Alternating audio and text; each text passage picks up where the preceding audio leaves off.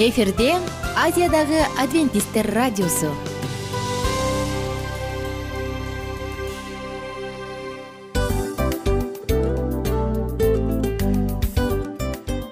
Достор салют.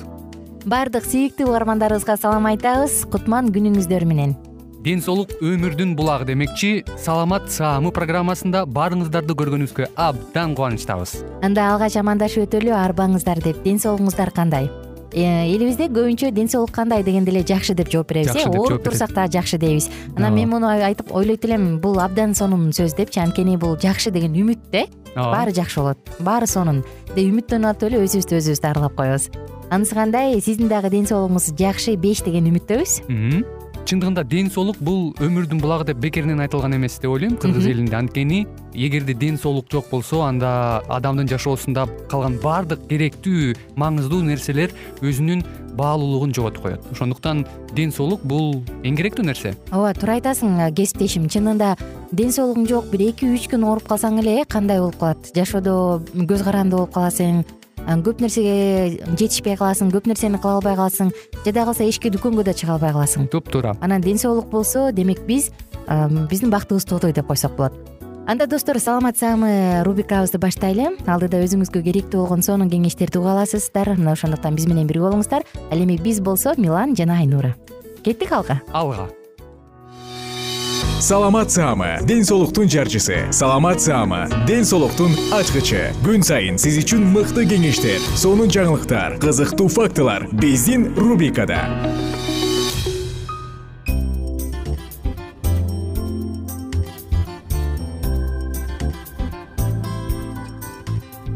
амансызбы бурадарым? Жалпы биздин сүйүктүү угармандарыбызга салам айтабыз. Жана жалпыңыздар менен саламат саама рубрикасын баштадык. Биздин сонун рубрикабыз сонун программабыз старт алды. Күн сайын дал ушул жыштыктан ушул эле учурда сонун маалыматтар бир гана сиздер үчүн жаңырат ошондуктан достор ден соолугуңуздун камын ойлоп алдын ала ар кандай ооруларды профилактикалап жана оорубайын ден соолугумду сактайын десеңиз анда бизден жаңырган алтын эрежелерди жана алтын маалыматтардын баардыгын жашооңузга колдонгонго аракет кылыңыз. Биз сизди дал ушул нерсеге үндөйбүз. Аты жөнүм айнура миназарова. Бүгүнкү кезектеги уктурууда сиздер менен бирге балдардын саламаттыгы үчүн керектүү беш эреже жөнүндө сөз кылалы деп турабыз. Ооба достор болгону беш эреже бала деген бакыт ата эненин байлыгы ата эненин маңызы болуп келген. Кичинекей баланын ден соолугу үчүн эмне гана кылбайбыз э достор? Урунабыз беринебиз колубузда болгонун беребиз өзүбүз жебесек да балам жесин дейбиз. Айтор баланын саламаттыгы үчүн ар бирибиз күрөшөбүз. Канча деген апалар аталар изилдешет изденишет. Эмне пайда эмне зыян эмне жеш керек эмне жебеш керек деп. Бирок бала болбой эле ооруп калып сыркалып кала турган болсо ии болушунча эле аракет кылдым эле. Эмнеге деп калабыз мына ошондуктан эч тажабаңыз анткени сиздин аракетиңиз сөзсүз түрдө бааланат. Эмесе бүгүнкү тема балдардын саламаттыгы үчүн керектүү беш эреже. Тамактануунун туура эместигинен азыр балдардын ашыкча салмактуулугу майлуулугу же семирүүсү деген оору бир топ өлкөлөрдө көйгөй жаратып келе жатат. Баланын тамактануусу ден соолугу үй бүлө менен тыгыз байланышта экенин эч ким танбайт. Балдар биздин келечегибиз дейт эмеспизби андыктан дени сак балдар саламаттыкты саламаттыгы сак өлкө деп айтсак дагы жаңылышпайсыз. Сиз бизге кошуласызбы? Чын эле сиз дагы ушундай ойдосузбу? Баланын туура тамактанышы үчүн биринчи эле кезекте ата эне үлгү болуш керек дейт эмеспи. Эгер ата эне өзү фаст фуд жеп атып балам муну жебе семирип кетесиң зыян десе анда албетте бала дагы аны жасабайт. Ошондуктан ата эне эгерде сиз балаңыздын туура тамактанышын кааласаңыз анда бүгүнкү эрежелер сиздер үчүн жаңырсын. Биринчиси туура витаминдүү жана пайдалуу азыктарды колдонуу. Бул кандай азыктар? Жер жемиш мөмө жемиш организмге керектүү витаминдерге бай азыктарды кабыл алуу. Газдалган суусундуктарды табигый ширеге же сүткө алмаштыруу туура тамактанууда да балдар үчүн ата энеге үлгү болот. Андыктан алгач өзүңүз кабыл алып жаткан азыктарга көңүл бургуш шарт. Эгер сиз газдалган суусундукту ичип атып балам ичпей десеңиз албетте бала сизди укпай коюшу мүмкүн. Экинчиси кээ бир пайдалуу таттууларды берип туруу туура күнүнө бир эки жолу баланын жакшы көргөн таттуу токочун берип коюп туруу жакшы дешет. Ал эмес анын жакшы иштери тил алчаактыгы үчүн сыйлык катары ыйгарып коюу балада жакшы нерсе жасоого каалоо туудурат дейт. Бирок ошондо дагы кандай момпусу же кандай таттуу токоч? Эске алыңыз. Эгер сиз колуңузга өзүңүз үйдөн жасаган болсоңуз анда албетте берсеңиз болот. Эгерде дүкөндөн сатып келип бере турган болсоңуз ким билет анын курамында кандай ун кандай май кошулганын. Мына ошондуктан достор бул жагын дагы абайлаңыз. Жана үчүнчүсү баланын экрандын алдында өткөргөн убактысын контролго алуу керек. Азыркы заманбап эң эле чоң көйгөйлөрдүн бири. Азыркы чакта компьютер сыналгы видео оюндар коомду алдыдагы орунда кетип жатат. Жөн гана кол телефону э чөнтөк телефону. Ой кандай гана чоң көйгөйлөрдү жаратат күнүнө болгону экиден эки жарым саат гана экрандын алдында отурганга уруксат берип туруңуз. Эгер балаңыз он жаштан ашкан болсо. Эгер балаңыз он жаштан кичинекей болсо анда бул көрсөткүч өтө эле көп. Ошондуктан компьютербу сыналгыбы видео оюндарбы чөнтөк телефонубу кайсы гана каражатты кармабасын бул анын ал жакта өткөргөн убактысын сөзсүз контролго алыңыз. Телефондун зыяндуу жактарын көп эле айтып келгенбиз. Уктурууларыбызда дагы бир жолу айта кетели. Баланын психикасына ден соолугуна анын артка бел моюнуна артка бел сөөктөрүнө омурткасына баарына тең терс таасир тийгизет ошондуктан. Балаңыздын саламаттыгын кааласаңыз башка иштер менен алектендириңиз. Жана достор кийинки эреже. Андан көрө үй бүлөңүз менен кызыктуу оюндарды ойноңуз. Оюн болбосо пикникке чыгыңыз же чогуу үй жумуштарын жасаңыз. Бул баланын психикасына жакшы таасир калтырат бала эле эмес жубайлардын ортосунда да чогуу жумуш кылуу чогуу бир нерсе менен алектенүү алардын ортосунда мамилени пайда кылат эмеспи. Болбосо экөө дайыма эки башка иш менен алек болуп жүрө берсе эки дүйнөнүн адамдары болуп аралашпай жүрө берет. Анан мындай нерсе эгерде бала менен боло турган болсо анда сөзсүз түрдө балаңыз сизди көбүрөөк түшүнүп көбүрөөк тааныйт. Сиз балаңызды көбүрөөк тааныйсыз бул жерде пикир алмашуу жана баарлашуу курулат. Ошондуктан ойноңуз кызыктуу оюндарды көчөгө чыгып келиңиз сейилдеңиз пикникке чыгыңыз жумуштарды чогуу жасаңыз. Жана алтын эреженин бешинчиси. Бул эреже баардык үй бүлө мүчөлөрүнө тийиштүү. Америкалык педиатр академиясы балдар күнүнө төрт сааттан экран алдында олтураарын билдиришет. Ошондо бир жылда миң саатты экран алдында өткөрүп коюшат экен.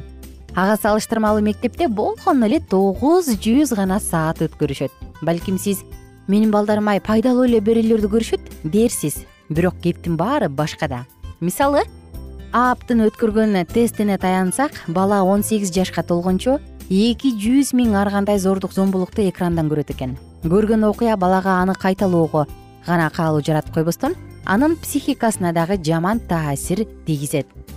Ошондой эле жаман адаттардын пайда болуусуна дагы шарт түзөт. Мисалы тинейджерлер үч жүз миң ашуун алкоголь ичимдиктерин жарнамалаган жарнамаларды көрүшүп алардын кырк пайыздан ашыгы даамды татып көрүшүптүр кийинки коркунуч май басуу.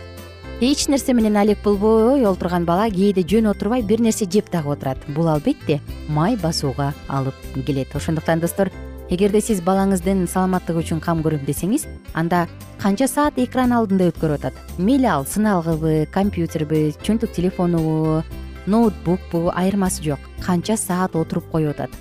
Байкаңыз караңыз элестетиңиз бир жылда миң саат бул минимум төрт сааттан алганда. А эгер алты саат беш саат болсочу эгер бир күн кечке жанынан түшпөсөчү анда бул көрсөткүч канча дегенди көргөзөт.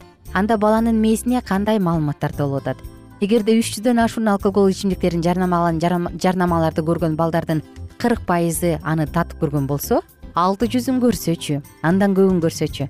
Демек булардын баардыгы баланын психикасына таасир берерин дагы бир жолу айкинелейт достор сиздер менен убактылуу гана коштошом жана кийинки уктуруулардан кайрадан амандашканча сак саламатта туруңуздар. Аты жөнүм айнура миназарова биздин максатыбыз балдардын ден соолугу. Биздин максатыбыз кең келечек. Биздин максатыбыз сиздин ден соолугуңуз. Кайрадан амандашканча.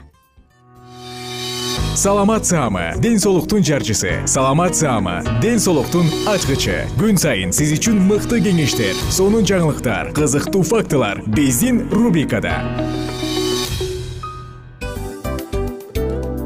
салют замандаштар баарыңыздарга ысык салам. Дил маек программабызга кош келиңиздер. Дил маек рубрикасы дегенде эле бул эмне болгон? Дил маек ким менен маектешебиз деп сурайт болуш керек угармандарыбыз.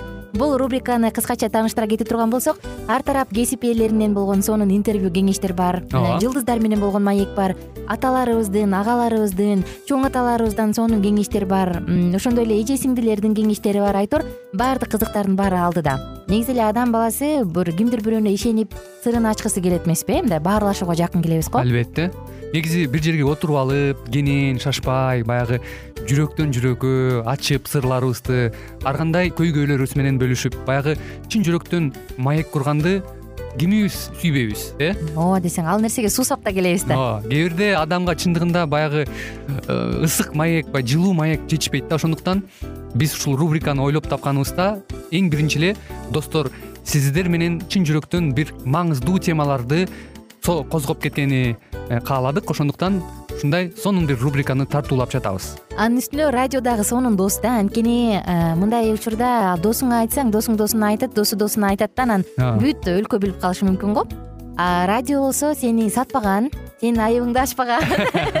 Сенин сырыңды эч кимге айтпаган сонун досуң ошондуктан биздин алдыдагы айта турган кеңештерибизди биздин досторубуздун кеңештерин угуп анан ал жака пикириңизди дагы калтырып кайрадан биз менен байланышсаңыздар болот. Деги эле жашооңузга эгерде кичине болсо дагы өзгөрүү алып моралдык жактан нравовдук жактан сонун бир кеңештерди алсаңыз демек биз максатыбызга жеттик. Ооба.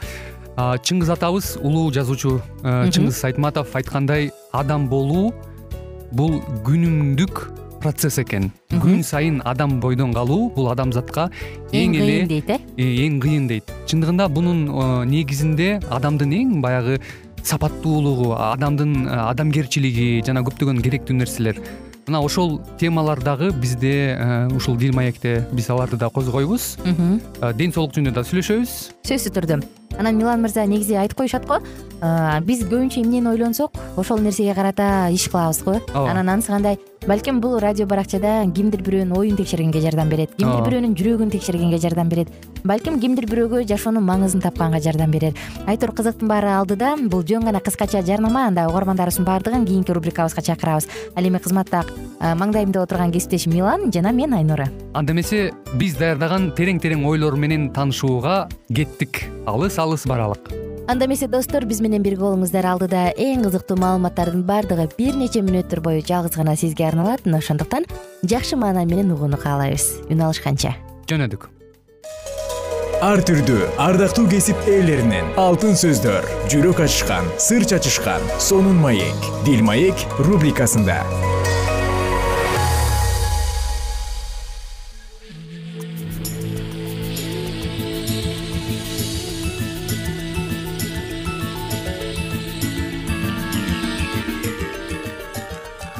саламатсыздарбы ардактуу радио угуучуларыбыз кайрадан эле сиздердин назарыңыздарда бактылуу никенин баалуу эрежелери аттуу программабызда кездешип жатканыбызга өтө кубанычтабыз бүгүнкү программабыздын чыгарылышында биз сиздер менен э, кайрадан дал ушул үй бүлөлүк жаатта деги эле никелик жашоодо э, айымдар арасында өзүлөрүнүн никелик жашоолорунда милдеттери кандай? Башкача айтканда алардын жоопкерчиликтери туурасында бүгүнкү программабызда сөз кылмакчыбыз. Андыктан бүгүнкү уктурууда дагы биздин ободон алыстабай биз менен биргеликте кала бериңиздер. Адаттагыдай эле кызматыңыздарда аты жөнүм мен улан жана ошондой эле кесиптешим.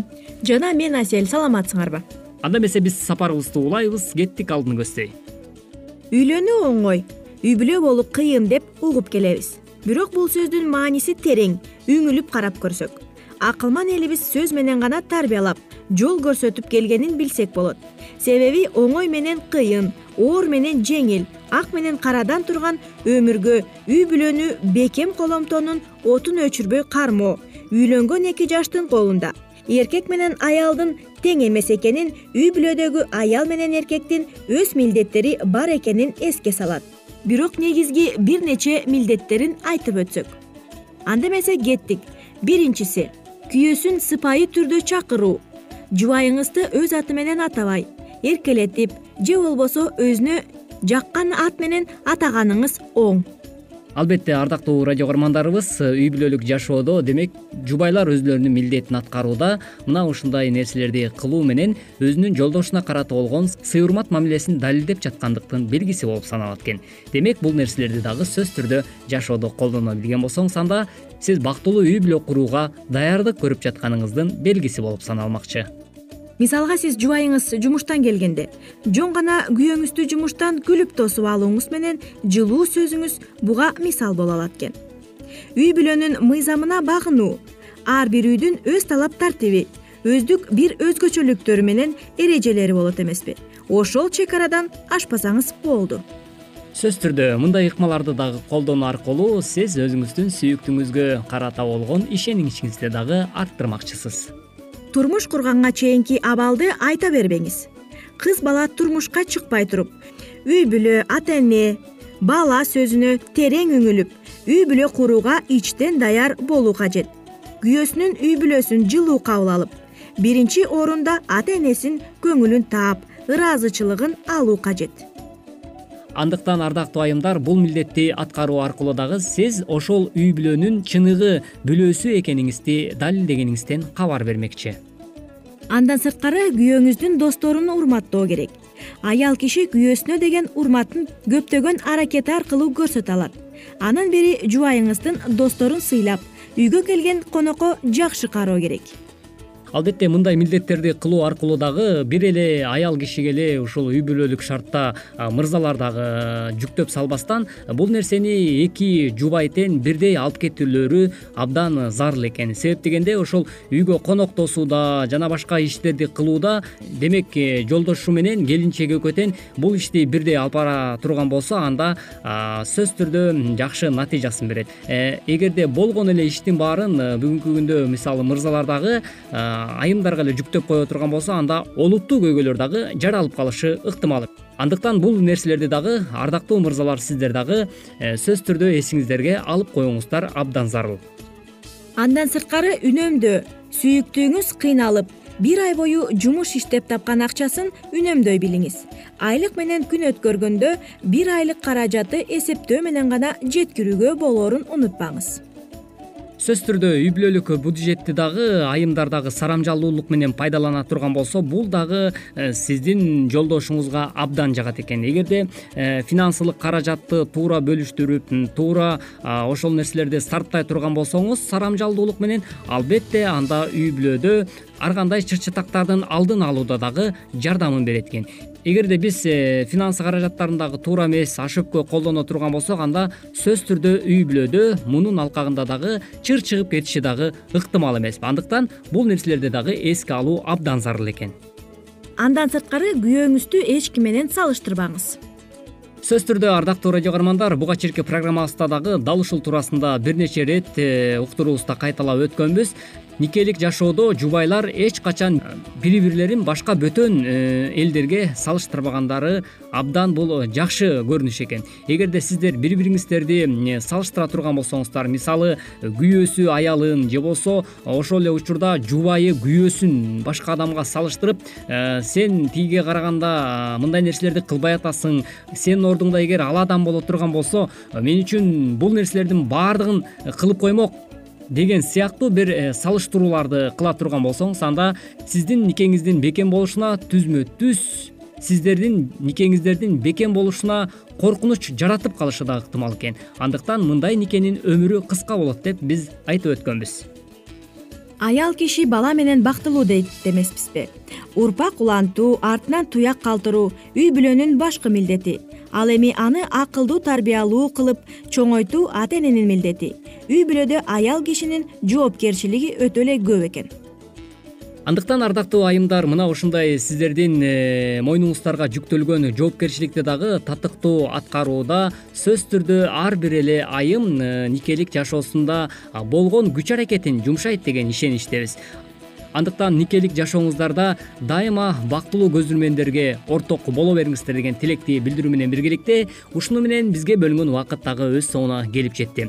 Бүгүнкү программабыздын чыгарылышында сиздер дал ушул э, уктурууда өзгөчө айымдардын никелик жашоосундагы жоопкерчиликтери туурасындагы айрым бир факторлорго токтолуп өттүк. Дал ушул айтылган жогоруда айтылган баардык кеңештер сиздердин жашооңуздарда өзүнүн мыкты жемишин бере берсин деген тилек менен биз сиздер менен коштошмокчубуз. Кайрадан эле биз сиздер менен бактылуу никенин баалуу эрежелери аттуу программабыздан кезиккенче ар бириңиздердин үй бүлөңүздөргө аманчылык тилемекчибиз. Кайрадан сиздер менен дал ушул ободон үн алышканча сак саламатта болуңуз ар түрдүү ардактуу кесип ээлеринен алтын сөздөр жүрөк ачышкан сыр чачышкан сонун маек дил маек рубрикасында.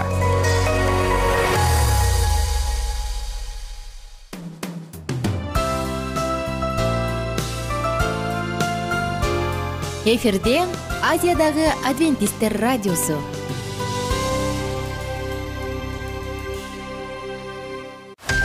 жан дүйнөңдү байыткан жүрөгүңдү азыктанткан жашооңо маңыз тартуулаган жан азык рубрикасы.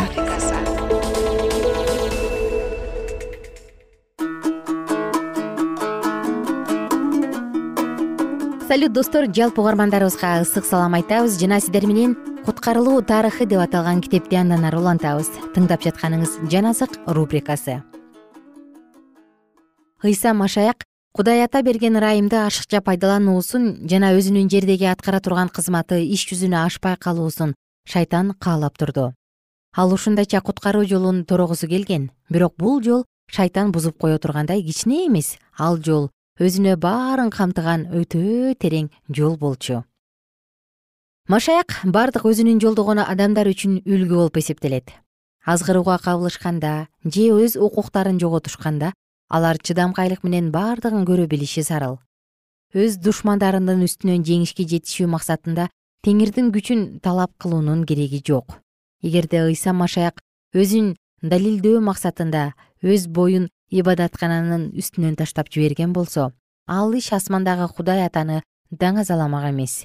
Анткени бул көрүнүштү кудайдын периштелери менен шайтандан башка эч ким көрбөй калмак ыйса машаяк үчүн өзүнүн айыгышкан душманынын алдында далил катары кудуреттүү күч киргизүү көргөзүү азгырылуу болуп саналмак. Мындай жосун аны өзү жеңүү үчүн келген душмандын деңгээлине түшүрүп салмак.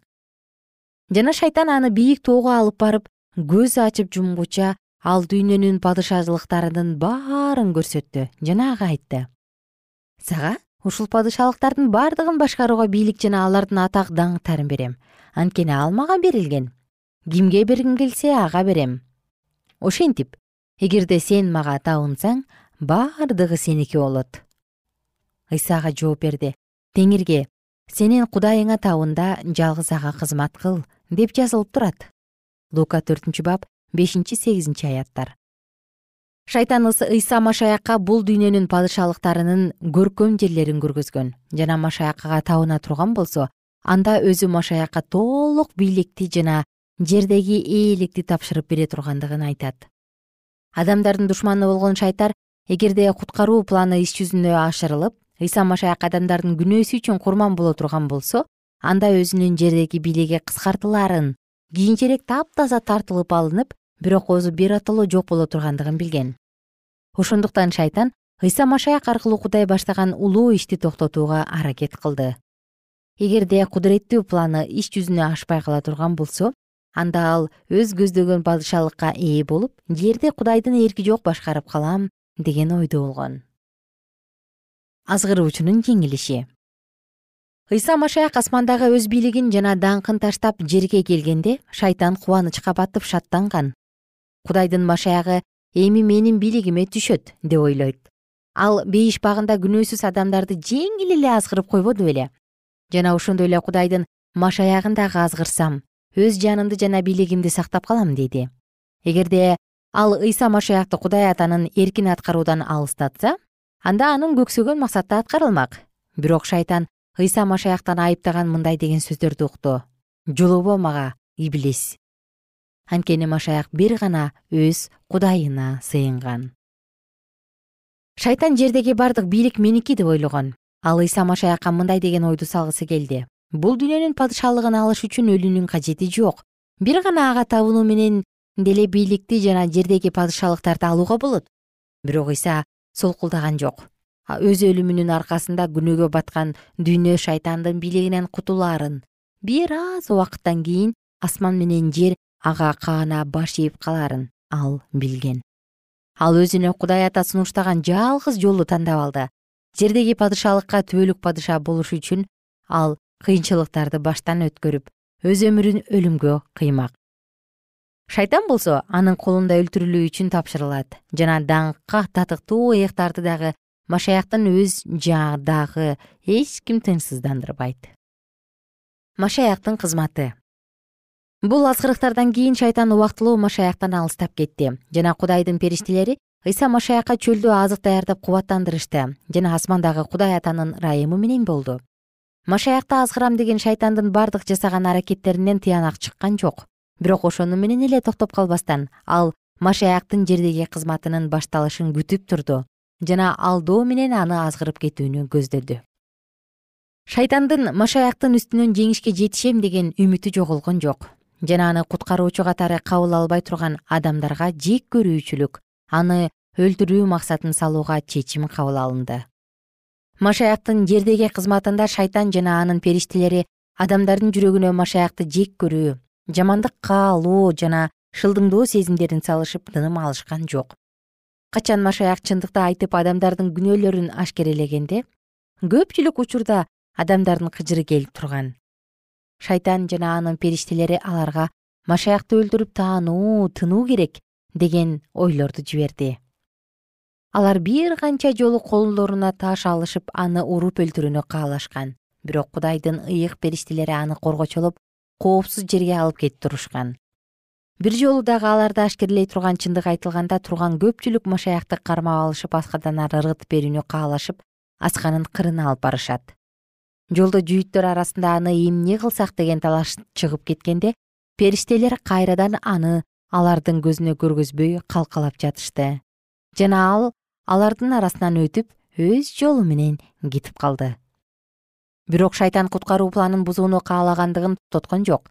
Ал өзүнүн болгон күчүн колдонуп ыйса машаякты уккан адамдардын жүрөктөрүн катаалдантты машаякты таанып билген адамдар аз санда боло тургандыгын жана аз сандагы адамдар үчүн анын өлүмү өтө чоң болуп өлүмгө өз ыктыяры менен машаяк барбай калат деген ойдо болду эгерде эки киши аны кудайдын улуу машаяк катары кабыл алыша турган болушса анда алардын санын сактап калыш үчүн машаяк өз жанын курмандыкка бермек.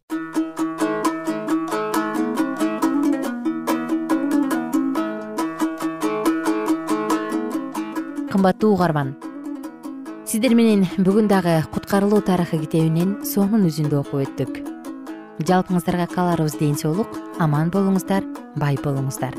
Сиздин дагы жүрөгүңүздө кудайдын бир гана чындыгы жазылсын. Жана жаратканыбыз өзү шайтандын ар кандай азгырыктарынан колдосун. Сиздер менен убактылуу гана коштошобуз жана кийинки уктуруудан кайрадан амандашканча сак саламатта туруңуздар